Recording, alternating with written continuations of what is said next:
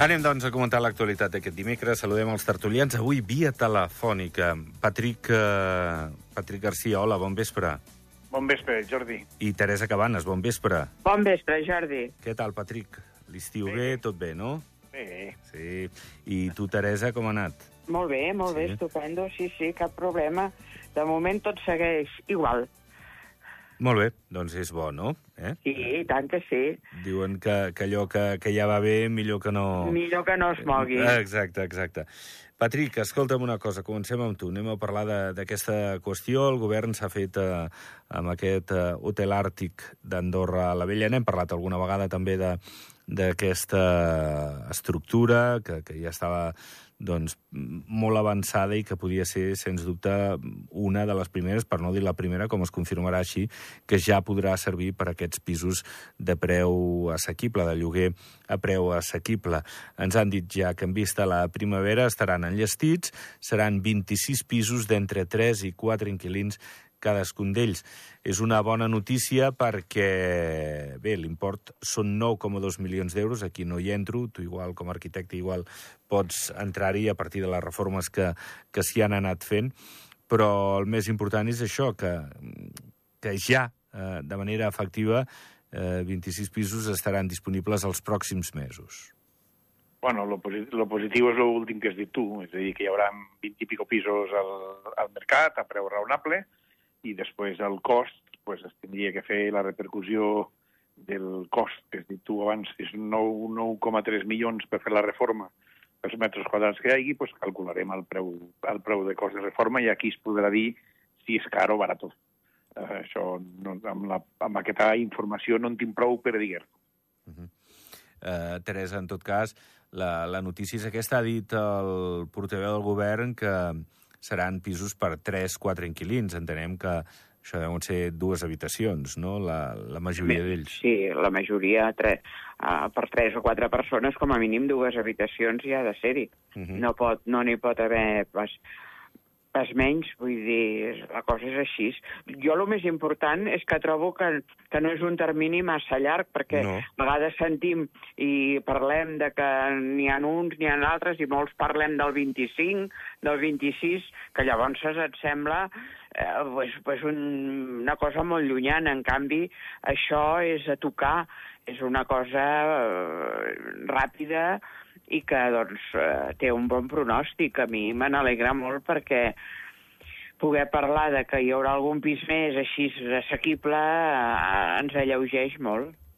Estem parlant, el govern ha vingut parlant des de l'inici de tota aquesta qüestió de l'habitatge i especialment els darrers mesos de posar en solfa uns 300 habitatges de lloguer a preu assequible en els pròxims anys. És cert que això doncs, no és ni el 10% dels pisos que es posen i encara quedarà molt, molt, molt camí a fer, Patrick, i mentre tu creus, eh, per l'experiència que tens, tu creus que podem estar tocant sostre en aquests pròxims mesos o un parell d'anys de, del que és la construcció d'habitatges a Andorra? No ho sé, dependrà de la política que tingui govern amb les residències passives, si continua igual que ara, eh, després de la moratòria, evidentment. Si continua així, pues, hi haurà demanda de, de pisos de, cost, de, de venda, allà on se continuen fent mentre hi hagi demanda.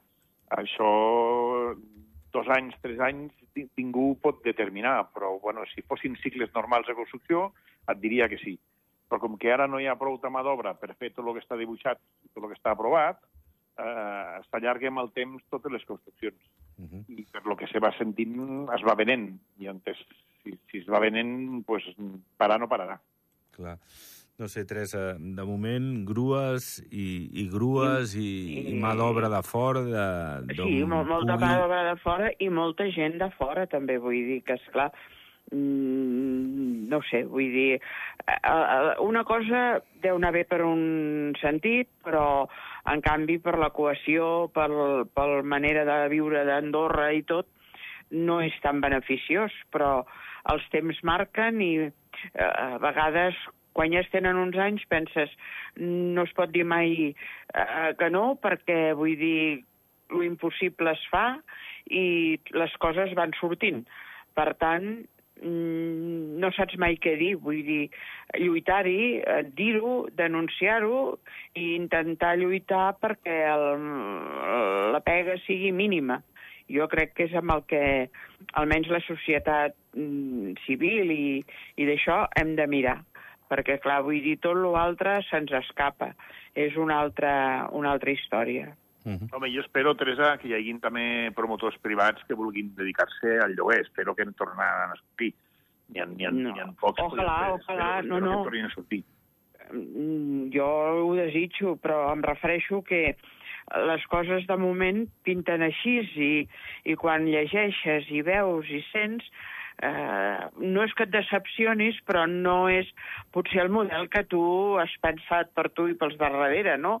Que possiblement ha de ser diferent, perquè tampoc tenim... Jo a vegades ho dic, vull dir, anys enrere vivíem d'una manera i ara vivim d'una altra. Per tant, hem d'anar de cara endavant perquè al darrere no, no hi anirem mai. Mm -hmm. Bé, eh, parlem d'una altra qüestió que està també aquests dies de rabiosa actualitat. En venim parlant des de fa mesos. Eh, L'acord... En venim parlant des de fa anys, però des de fa mesos d'una manera més intensa. Aquest acord d'associació amb Europa, amb Brussel·les, l'altre dia donaven explicacions a Espot i Riba i parlaven doncs, d'algunes qüestions més concretes sobre el que s'està avançant i en quins termes. M'agradaria que, que comentéssiu també, que diguéssiu la vostra, Patrick, com estàs veient, com s'està duent tot, les veus reaccionàries o de, de formacions que, que diuen que s'aturi tot, eh, Espot, que deia que mm, quan es faci el referèndum encara que sortís no, el govern no cauria, eh, fins i tot deixava entreveure, home, que si la negociació eh, no, no, no pot ser perquè Brussel·les eh, colla massa Andorra doncs que es farà la passa enrere com ha fet Mònaco.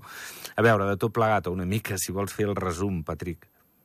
Bueno, el resum és una miqueta el que has dit tu. Jo faria una miqueta com va fer el Jaume Bartomeu l'altre dia. Eh, jo sóc pro de tenir un acord amb, amb Europa, però no sé si aquest en concret és bo per Andorra, perquè jo encara, com a ciutadà i expolític, no he vist que hi guanyem. Eh, L'únic que veig és tot el que hi perdem. Perdem STA, perdrem FEDA, perdrem tot ple de coses. Eh, el sector financer no funcionarà, no, no el deixaran funcionar fora, fora d'Andorra, etc etc. Hi haurà quotes, però ens les retocaran cada X temps, el que vol dir que cada X temps tindrem menys possibilitats de manar. Eh, no ho sé, jo és que estic buscant què és el que hi guanyem en, en Europa. El que sí és cert és que deixar les negociacions a mitges tampoc, és, tampoc està bé. Teresa jo comparteixo molt el que ell ha dit, perquè a mi em passa que um, m'hi perdo, vull dir, perquè un dia llegeixo una cosa, l'altre dia llegeixo una altra, potser no sé, no estic prou assabentada de la part política d'aquests acords i llavors és, encara se't fa més difícil uh, poder donar un, una versió. Mm, jo no sé, penso que tot el que, que hi puguem... I si hi ha coses que podem perdre, val més que no. Uh, ara, que és que no veig que hi guanyem, per, uh, bueno, l'Europa, no sé quina falta ens fa, sempre hem estat molt bé així. Eh, eh, jo seria, és, per mi, el que jo puc opinar és, és molt, molt bàsic i molt de carrer, no, no tinc prou de... Ni sé si la, hi ha molta gent amb preparació per poder opinar de tot això. No sé, el dia que se'ns demani si estàs o no estàs d'acord i ens hàgim llegit tot, poder podrem opinar més, però jo, ara com ara, per mi més difícil. Mm -hmm. Home, jo suposo, Teresa, que ens faran llegir a l'acord i aquí on podrem opinar... Amb, Home, ho espero, ho espero. Però clar, ara, ara, ara el que jo sé és pobre per opinar, per, no sé, m'entens el que sí, vull sí, dir? Sí sí, sí, sí. De tota manera, és això, ens falta molta, eh, a tots, eh, molta informació, i a partir d'aquí doncs, és molt difícil, i, i fins i tot eh, eh, entenc a les formacions que, que demanin estudis d'impacte, que, que vulguin concreció, alguns eh, col·lectius professionals, eh, també eh, sectors liberals, que també demanin com, com els pot afectar en ells, aquí el problema és que s'està negociant, s'estan tocant temes, però, però clar, davant la discreció, davant el respecte, eh, encara com que no es tanquen les coses, doncs és això, estem una mica sense tenir massa dades. Exacte. Sí, sí, és que jo ho veig, jo ho veig així, eh? vull dir, a mi em resulta complicat fins i tot pensar si pot ser o no interessant. No ho sé, no ho sé. Jo, jo és el que t'he dit, és el que he dit abans, jo no sé què és el que hi guanyem, encara no, amb tot el, el, el poc que sabem i el poc que se'ns diu, jo Claro, no, no, sé què no, només, només sents una mica això que tu deies, no? Això no ho podem... Jo aquest dia, quan vaig sentir lo de la banca, vaig pensar, "Bah, pues, francament, eh, això no és necessari, vull dir, perquè ho tenim bé, vull dir, sempre hem sigut un referent potser per algú dolent, però per, per, pel país bo. Per tant, si cada vegada que una cosa és a perdre, doncs, ets, i sempre ens quedem més amb lo dolent que amb lo bo, doncs no t'acaba de convèncer. Mm -hmm. Bueno, veurem, però evidentment falta molta pedagogia. Sempre s'ha dit eh, que hem de, o que el govern ha de treballar en aquesta qüestió per intentar que, que tinguem el màxim d'informació possible. Escolteu, avui és el Dia Mundial del Turisme. Eh, persones com vosaltres, que, que lògicament, doncs, eh, home, sabeu de la importància que, que té el sector turístic al, al país, perquè és eh, un dels motors de, del nostre creixement. Bé, abans, fa uns anys, si parlàvem amb els turistes, venien per les compres, però això ha anat evolucionant. Ara venen, doncs, no tant per les compres, i sí per la natura, per l'entorn, pel medi ambient... Per, I per les curses, fem un munt de curses, vull dir que anem canviant, és allò que dèiem, que vull dir, no et pots tancar mai ni opinar abans de, de constatar el que pot ser bo o dolent. Vull dir, ara quan l'estiu està tot ple de curses, de muntanya, la gent, a la gent li encanta, això està a l'ordre del dia. Per tant, eh, jo penso que ja potser era hora que la gent descobrís que a part de tenir un carrer o dos, doncs tenim moltíssimes muntanyes que no se les acabaran, però més que caminin. Uh -huh. Uh, estem jo en un entorn privilegiat, eh? I a l'hivern, Eh, sobretot, amb, amb la neu, eh, uh, Patrick? Sí, sí, entre una cosa i l'altra ens hem convertit en un enorme parc d'atraccions de 474 quilòmetres quadrats, i on és el que diu una mica la Teresa. I, i amb, amb molts i el, el serveis... comerç I ja no amb, té tanta influència. hi ha molts serveis que doncs, altres llocs no tenen ni la privilegi del, de l'entorn ni, les, ni els serveis que aquí podem oferir. Bueno, eh, sembla que va per aquí, eh? va per aquí la, la nova estratègia de- d'Andorra Turisme, sobretot centrada també en el que dèieu, eh? en la- l'esport, també més fora de temporada a banda de la, de la neu i de l'entorn de muntanya que, que de per si ja és. Escolteu, eh, avui Helena Mas, eh, la ministra de Salut, ha explicat que tenen previst buscar el que seria un centre polivalent de salut mental fora de l'hospital, on s'apleguin tots els serveis i els recursos. Eh, fa temps eh, que, que escoltem que Salut Mental s'està quedant petit a la quarta planta de l'hospital i que calen recursos ja fora del mateix hospital, perquè l'hospital tampoc dona per molt més. I, I, home, jo us dic una cosa, i vosaltres ho constateu, cada vegada la salut mental abans es parlava de gent doncs, una mica gran o potser d'edat mitjana, però cada vegada està afectant més a nanos joves. Llavors, també necessiten un espai potser diferent al que Sí. més d'adults, no? Sí, el problema és que amb aquests, aquesta franja d'edat la majoria de nanos han de marxar d'aquí, que és un problema greujat per la família i per ells mateixos. Vull dir que mm, jo penso que això seria una bona, molt bona solució. Patrick? No, abans no se'n parlava tant d'aquestes coses, ara es Sí. parla més.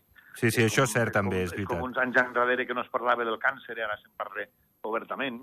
Clar. També està bé. I després la pandèmia, la, la pandèmia ha tret molta gent eh, que, que pobrets ho han passat molt malament. Sí, No. sí, i el jovent molt, i el jovent molt. Se'ls hi van xungar dos anys així és com, com res. Vull dir que, que, bueno, això es paga, té tot, tot té un cost en aquest món, per un cantó o per un altre, tot té un cost. Mhm. I, i la canalla és molt sensible i, i els hi passa això. I cada vegada n'hi ha més, vull dir, avui en dia fa que estava por perquè dius, caramba, sembla impossible que, que el jovent estigui en aquesta situació. No, no, estem en, en una situació, és veritat, eh? venint del Covid, s'ha detectat això. I hi ha molts casos de, de joves, eh, i en parlem de vegades també, les xarxes socials, aquesta inseguretat, el, el fet que que siguis eh, doncs, públic, no? per lo bo i lo dolent, ah, i en aquest cas magnifica en lo dolent, en persones a lo millor que s'estan formant en el seu caràcter, que, que visquin en una situació complicada, de bullying, d'una sensació de no d'humiliació, però sí de menys teniment, no? No, no, és que, a veure, avui en dia els hi passa... Sempre dèiem, abans dèiem, quan un nen té ús de raó, quan un nen comença a ser madur, Ara tot això s'ho han menjat. Un nen de 6 anys pot tenir accés a tot el que té un de 15 i 16. Sí, però això no és normal, eh? El cervell no, no, no funciona, eh? Vull dir, això és tremendo. Vull dir, aquests nens no poden processar la meitat de les coses que veuen. I ja no, ni, ni cosa dolenta, eh? fins i tot la informació. No la poden processar perquè no tenen cap criteri format per poder opinar ni, ni, ni, ni treure'n l'extracte. Vull dir, jo crec que el problema és aquest, que ja, ja no per lo dolent, que també, que n'hi ha molt, però sobretot, fins i tot qualsevol informació els hi arriba sense filtre i que s'ho creuen tot. Vull dir que... Això, Teresa, es té que controlar a casa, eh? Ja, bé, bé, però... Les xarxes socials, això ho té que controlar a casa. No podem començar amb 5-6 anys amb xarxes socials. Ja, però vull dir... Hi ha un problema a casa, ja, eh? Ja, però hi és, aquest problema existeix perquè jo m'he fixat, jo sóc molt gran, vull dir que a mi no, és una cosa que d'allò, però jo he, he observat com els pares, perquè els nens s'entretinguin, els hi donen a nens de dos i tres anys al mòbil perquè s'estiguin quiets. Bé, mm, no sé, és d'aquelles coses que tu preguntes. Eh, cal els nens sempre se'ls ha entretingut i no cal tant donar-los un mòbil. Però, clar, si a 3 anys aquests nens juguen amb el mòbil, què faran quan en tindran 6? El faran servir? Bé. No, no, el problema és que els pares ara ja no saben dir que no als nens. Bueno, oh, I, un no, i, un no, I un no als nens no li passa per res, eh? Són no, no, és com una, una bona bufetada en un moment, que ara tampoc es pot donar i que a vegades servia per molt.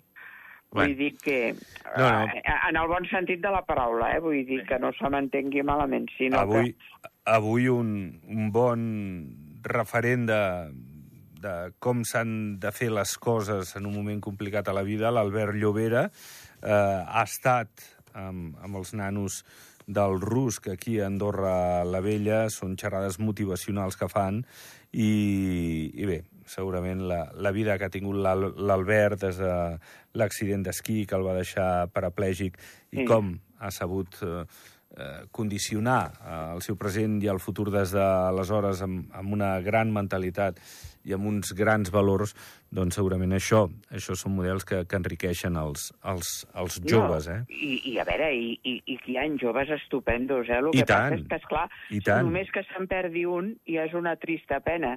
Vull dir, és allò que diuen, n'hi poden haver deu, però si en perds un, quin mal que fa. Doncs és una mica això. Però vull dir que el gran problema de les xarxes el tenim i si, té, i si algú té jovent jove molt a prop, només cal que ho miri, eh? perquè mm, no se n'escapen massa, perquè tu pots controlar molt, però ells cada vegada són més lliures i potser no tenen ni mòbil, però estan més assabentats que els que en tenen perquè el que no té un té un altre. I és molt difícil. Avui en dia els pares ho tenen complicat. Eh? Vull dir, no, no, no, no, no vull dir que s'hi hagin d'esforçar més, però si, a part d'això els hi és més difícil segons què. Escolteu... I, a més a més tenen que escoltar alguns youtubers, pues malament van, pobret. Ja, Exacte. Ja. Sí, sí, és, sí, sí. Però, però és això, ells ho senten. I vull dir, uh, és, a veure, tots hem tingut certa edat, de, de que cap ha nascut amb 50 anys, eh, afortunadament, i tots hem passat de moltes coses, però clar, no ho tenies tan a l'abast, et costava un esforç. Aquest dia que a casa parlaven ara de que, bueno, sobre les xarxes que no s'haurien de veure i tal, i jo dic, és que, és clar la facilitat diu que eh, fa el lladre, no?, a vegades, doncs, dic, abans un xicot de 17, 18 anys, anava boig buscant una revista.